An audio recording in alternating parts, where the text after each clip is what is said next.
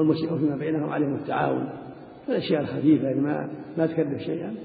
ينبغي فيها عدم عدم التكلف وعدم أخذ الأجر. يعم أعمال الطاعة كلها أمر القدرة على أعمال الطاعة. لا الطاعة ما تفعل. ياخذ يصلي ولا يصلي ولا ياخذ يصوم لا يصلح هذا المقصود يتعدى عمل يتعدى. القرآن عمل متعدى. يتعدى نفعه. والإمامة متعدى نفعه. يأمهم ينحبس لا يروح منا ولا منا الأوقات الخمسة. ولهذا يعطى ما يعين هذا. والمؤذن كذلك يعطى من بيت المال. الراقي كذلك يعني عمله مو نعم. أقول الراقي الناس إيه. يعني ما هو مجهد لكن لا قد يتعطل قد إذا عرفه الناس قد يتعطل يروح عليه أوقات. وش توقيف توقيف اللي يأخذ هذا توقيف ما جاء في وجهه ولا الأصل منع الأصل المنع بتوقيف نعم. لا ما ينبغي لا ما ينبغي إذا جار قاصص أما كون يجوع ويبيع الناس ما ينبغي. هذا هذا شغل مو طيب. الراقي يبقى الإنسان معين يقصده. هذا اللي حاصل الان عفى الله. عنك. إيه. يعني يقرأ على كراتين مئات الكراتين ثم يأتي ويعطيه على 50 على 100 لا لا يقرأ على شيء معين هذا يقرأ في مية هذا يقرأ في زيت هذا يقرأ على جسده أما يقرأ في سلك ولا في براميل هذا ما هو نعم؟ لا لا لا. هذا الله لا سائل من نعم. الله الذي ما ينبغي مثل هذا. هذا تساهل كثير ما ينبغي. أما لكن ما ينبغي. يقرأ على بس. المعين. يقصده بالقراءة. قال الحافظ ابن حجر رحمه الله تعالى باب إحياء المواد عن عروة عن عائشة رضي الله عنها أن النبي صلى الله عليه وسلم قال من عمر أرضا ليست لأحد فهو أحق بها قال عروة وقضى به عمر في خلافته رواه البخاري. وعن سعيد بن زيد رضي الله عنه عن النبي صلى الله عليه وسلم قال من أحيا أرضا ميتة فهي له رواه الثلاثة وحسنه الترمذي. وقال روي مرسلا وهو كما قال واختلف في صحابيه فقيل جابر وقيل عائشة وقيل عبد الله بن عمر والراجح والأول. وعن ابن عباس رضي الله وعن ابن عباس أن صعب بن جثامة الليثي أخبره أن النبي صلى الله عليه وسلم قال لا حمى إلا لله ولرسوله. رواه البخاري. وعنه رضي الله عنه قال قال رسول الله صلى الله عليه وسلم لا ضرر ولا ضرار. رواه أحمد وابن ماجه وله من حديث أبي سعيد مثله وهو في المعطى مرسل. وبالله. أما بعد هذه الأحاديث تتعلق بإحياء الموات والموات هي الأرض المنفكة عن الاختصاصات وعن ملك المعصوم قالها موات. كل أرض ليس لها فيها حق لمالك ولا لاختصاص بلد. أو شخص يقال لها أرض ميتة. فإذا كان فيها حقوق الناس كانت من طريق أو حما لبلد أو قد ملكها إنسان وأحياها فلا إحياء فيها لابد تكون منفكة سليمة ليس لأحد فيها تعلق لا بإحياء ولا بغيره. يقال لها ميتة. يقول النبي صلى الله عليه وسلم من عمرها وليس لأحد فهو أحق بها. وقضى بذلك عمر رضي الله عنه. وهذا هو الإحياء إذا عمرها وهي عمرها بالزراعة عمرها بحاطها بجدار عليها عمرها بنى فيها بيتا إلى أشبه ذلك. وعمرها بما يعد إحياء. أحياها حرثها وأحياها بما يعد إحياء ليغرسها ليزرعها أحاطها بجدار بنى عمر فيها بئرا للزرع وما أشبه ذلك. وهذا ما أحد سعيد بن زيد من أهل الأرض الميتة قد اختلف في وصله وإرساله والمرسل يؤيد المتصل. وهو في الجملة الصحيح في الجملة. ويدل على معنى حديث عائشة المتقدم هو العمدة. من عمرها هو أحق بها. أما حديث صاحب لا حمل إلا الله ورسوله فهذا معناه ليس للناس أن يحملوا الأراضي البرية لأن هذا فيه مضايقة للناس وإيذاء لهم وظلم لهم. بل كل جرى إلا ما حماه ولي الأمر. لله ورسوله هذا ولي الأمر يقوم بذلك. كأن يحميه لخير المسلمين لإبل المسلمين لإبل الجهاد لبيت المال هذا لا بأس. أما إن زيد يحمي أو فلان يحمي لا.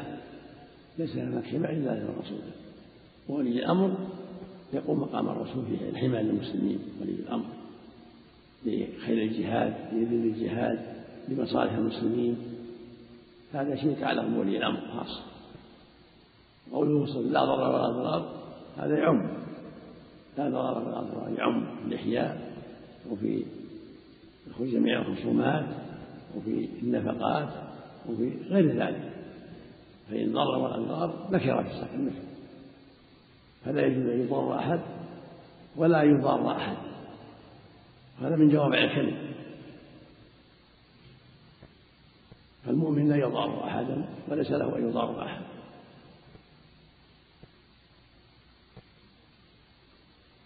في الحديث الصحيح من كان يؤمن الله واليوم الآخر فلا يؤمن جاره من كان يؤمن الله فليكرم جاره. من كان يؤمن الله فليقل خيرا يصوم هذا من باب حماية إخوان المسلمين أذاه وظلمه وضرره وإصرار اتقوا الظلم فإن الظلم ظلمات يوم القيامة. الحديث الآخر من ضر مسلم ضاره الله من شق على مسلم شق الله عليه. فالأحاديث على معنى كثيرة معناها واحد وهو النهي عن المضارة والإيذاء والظلم لأحد من المسلمين أو من أهل الذمة والأمان. ليس له أن يأخذ إلا بحق سواء أرض ولا غيرها. فليس له يضار أحد في حق في أرضه أو في سيارته أو في دابته أو في اختصاصه أو في وظيفته. يعني الحديث عام لا ضرر ولا ضرر. بل يجب على المسلم أن يتأنى يتثبت حتى لا تكون تصرفاته ضارة بأحد لا في أرض ولا في نفس ولا في ولد ولا في جاه سمعة ولا في وظيفة ولا غير ذلك. لا ضرر ولا نكر في ساق النهي تعم كل ضرر وهكذا يقول اتقوا الظلم فإن ظلم ظلمات يوم القيامة. ويقول الله جل وعلا يا عبادي إني حرمت الظلم على نفسي وجعلتم بينكم حرفة فلا تظلموا. يقول النبي صلى الله عليه وسلم كل المسلم على المسلم حرام دمه وماله وعرضه ويقول في خطبته في حجة الوداع إن دماءكم وأموالكم وأعراضكم عليكم حرام. كحرمة يومكم هذا في شهركم هذا في بلدكم هذا. كل هذا من جوامع الكلم فالواجب على المسلمين التناصر. كل واحد ينصف نفسه يحذر ظلم أخيه أو مضارته في نفس أو مال أو عرض أو نسب أو جاه أو غير هذا من من أنواع الضرر. وفق الله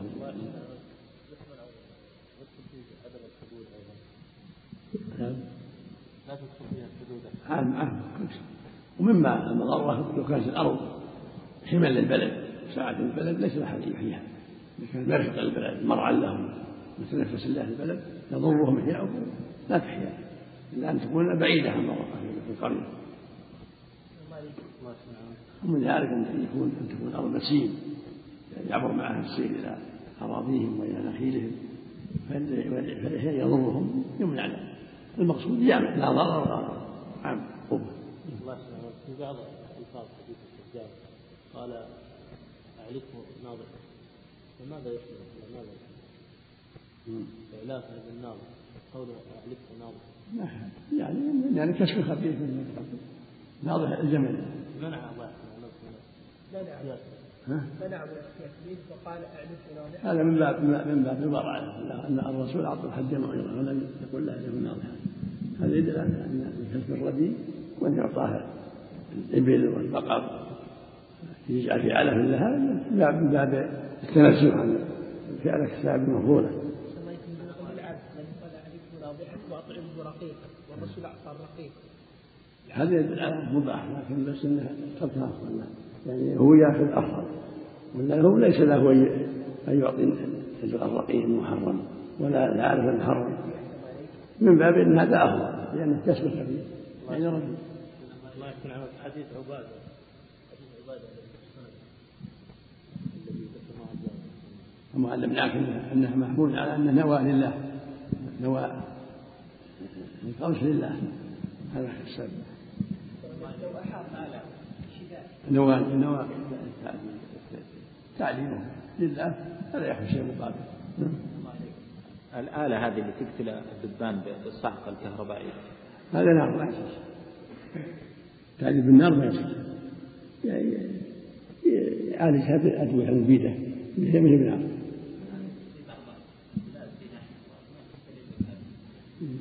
إذا رح يمهم صح قل لهم لا تقتلوا هذا غير الله النار لا يعذب بها إلا الله. إذا جئت يمهم صح. لا المبيدات غير بالنار مو بالنار. شيء من غير النار. قال الحافظ ابن حجر رحمه الله تعالى في باب إحياء المواد وعن سمرة بن جندب رضي الله عنه قال قال رسول الله صلى الله عليه وسلم من أحاط حائطا على أرض فهي له رواه أبو داود وصححه ابن الجارود. وعن عبد الله بن مغفل رضي الله عنه أن النبي صلى الله عليه وسلم قال من حفر بئرا فله أربعون ذراعا. عطنا لماشيته رواه ابن ماجه بإسناد ضعيف. وعن علقمة بن وائل عن أبيه أن النبي صلى الله عليه وسلم أقطعه أرضا بحضر موت. رواه أبو داود والترمذي وصححه ابن حبان. وعن ابن عمر رضي الله عنهما أن النبي صلى الله عليه وسلم أقطع أقطع الزبير خضر, خضر فرسه. أقطع الزبير خضر فرسه فأجرى الفرس حتى قام ثم رمى بسوطه فقال أعطوه حيث بلغ السوط. رواه أبو داود وفيه ضعف. وعن رجل من الصحابة رضي الله عنه قال غزوت مع النبي صلى الله عليه وسلم فسمعته يقول الناس شركاء في ثلاثة في الكلى والماء والنار. رواه أحمد وأبو داود ورجاله ثقات. وعلى آله وأصحابه ومن اهتدى أما بعد هذه الحادثة الخمسة دلت على أحكام. الأول حديث سبرة يدل على أن من أحاط حائط الأرض فقد أحياها. لكن الأرض الميتة ليس فيها حق لأحد وأحاط عليها إنه يكون أحياها في هذا الحائط. اللهم إلا أن تكون كبيرة جدا يرى ولي الأمر أنها أنه لا يتحملها هذا له نظر فيه. وإلا فالأصل هو إحياؤها بالحائط وبالحرث وبالبناء فيها كل هذا إحياء. وما يسمى يسمى إحياء في العرف يملك به الأرض الميتة التي ليس فيها حق لأحد. ومن ذلك إذا كانت ذات حجارة وأشجار فأزال حجارتها وأزال أشجارها المانعة من إحيائها أحياها بذلك أما حديث عبد الله بن من حفر بئرا فله أربعون ذراع عطلا المشافعة حديث ضعيف. لا يعول عليه. ولكن من حفر بئرا يعطى ما تقضيه. العادة العرفية كان كان السقي يعطى ما يكفي لإبله وغنمه يعطيه ولي الأمر. وإن كان الزرع يعطيه ما يحكي لزراعته. هذا يضبطه العرف عند أهل العلم. إذا حفر بئرا نظرنا إن كان للماشية يعطى ما يكفي الماشية. كان للزرع يعطى ما يكفي المزرعة فإن كان للشجر يعطي ما يكفيه لغرس الشجر بواسطة أهل المعرفة وأهل العرف يجعلون ما يكفيه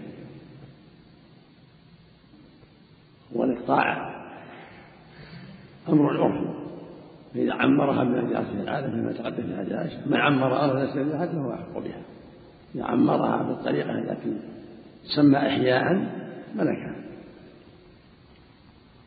فإن كان يسمى تخصصا قيل لها إما أن تحيي وإما أن ترفع يدك. إذا كان ما تم الإحياء بأن كان الحائط قصير أو عدادها موتان يقال هذا تخصص. أنت سابق إليها فكمل وإلا فارفع يدك. ويعطيه ولي الأمر المسؤول المدة الكافية حتى يكمل أو يرفع يده أما الإقطاع كما في حديث وائل الزبير فلولي الأمر يقطع. من الموات يعطيهم ما يناسبهم. الذي يبي سكن يعطي سكن مزرعة مزرعة. مورد مورد على حسب حاجته الإقطاع ولي الأمر هو يقطع كما أقطع وائلا وكما يروى في حديث الزبير وإن كان وإن كان ضعيفا فولي الأمر له أن يقطع من الأرض الميتة ويكون بها هو صاحبها حق. فإذا أحياها ملكها والحديث الخامس يقول صلى الله عليه وسلم في في ثلاثة. الناس شركاء في ثلاثة في الماء في الماء والكلاء والنار. الماء في الأنهار الجارية والعيون العامة الناس فيها شركاء. والكلاء العشق في البر الناس فيه شركاء. في الماء والكلاء الماء مثل العيون الجارية مثل السيول مثل الأنهار وأشبه ذلك. والكلاء العشرة في البر والنار ما يوقده الناس. يعني ما يحصل من إيقاد مثل الكبريت مثل الحجر الذي يغده يعني الشيء الذي تطر منه النار الناس شركاء فيه. فإذا شب النار لا يمنع أخاه من أن يأخذ منه يأخذ منها قبس النار قبس يوقي النار الأخرى لا يضر. فالناس شركاء في ذلك في الماء والكلاء والنار. النار في مادتها وفيما يقع منها إذا دعت الحاجة إلى أن يأخذ منه شعلة يوقد بها فإن هذا ينفع أخاه فلا يضره. لكن الموقدة لصاحبها لكن إذا أخذ منها شيئا عود أو في خوصة أو في شيء نقله إلى محل آخر. مما مع كبريت لا يمنعه لأن هذا من باب التعاون ومن باب الإحسان. وقد يكون ضرورة في بعض الأحيان. وفق الله الجميع. لو نزل في بر وحصل وايت عند خيمة هل له يأخذ من الوايت؟ ماء؟ شو؟ لو نزل في بر وحصل وايت عند خيمة هل له أن يأخذ من الوايت؟ بإذن بإذن أهله لأنهم ملكوا روايتهم. يستأذنوا وإذا كان مضطر وجب عليه وإن كان مضطر ما يجب عليه يأخذ من المياه ليطهره. إن كان مضطر وجب عليه ليسقط ويجيب ها؟ يأخذ لكن يخشى أن يستأذن حتى لا يقع بينه وبين النساء وألا وأنها مسلم بيرده مطلق. سقيه سهل. النابت في الأرض المملوكة نفسها. إذا نبت شيء سبحانه وتعالى في أرض الله صحيح؟ له أولى في أرض. أولى بها ولا له؟ لا في ملك هو أولى به ما في ملكه فهو أولى به لو دخل شخص أحسن الله إليك قفز وأخذ من ذلك. لا لا لا لا ما ما نبت في أرضه هو له هو مالكه مالكه هو ما حصل فيها.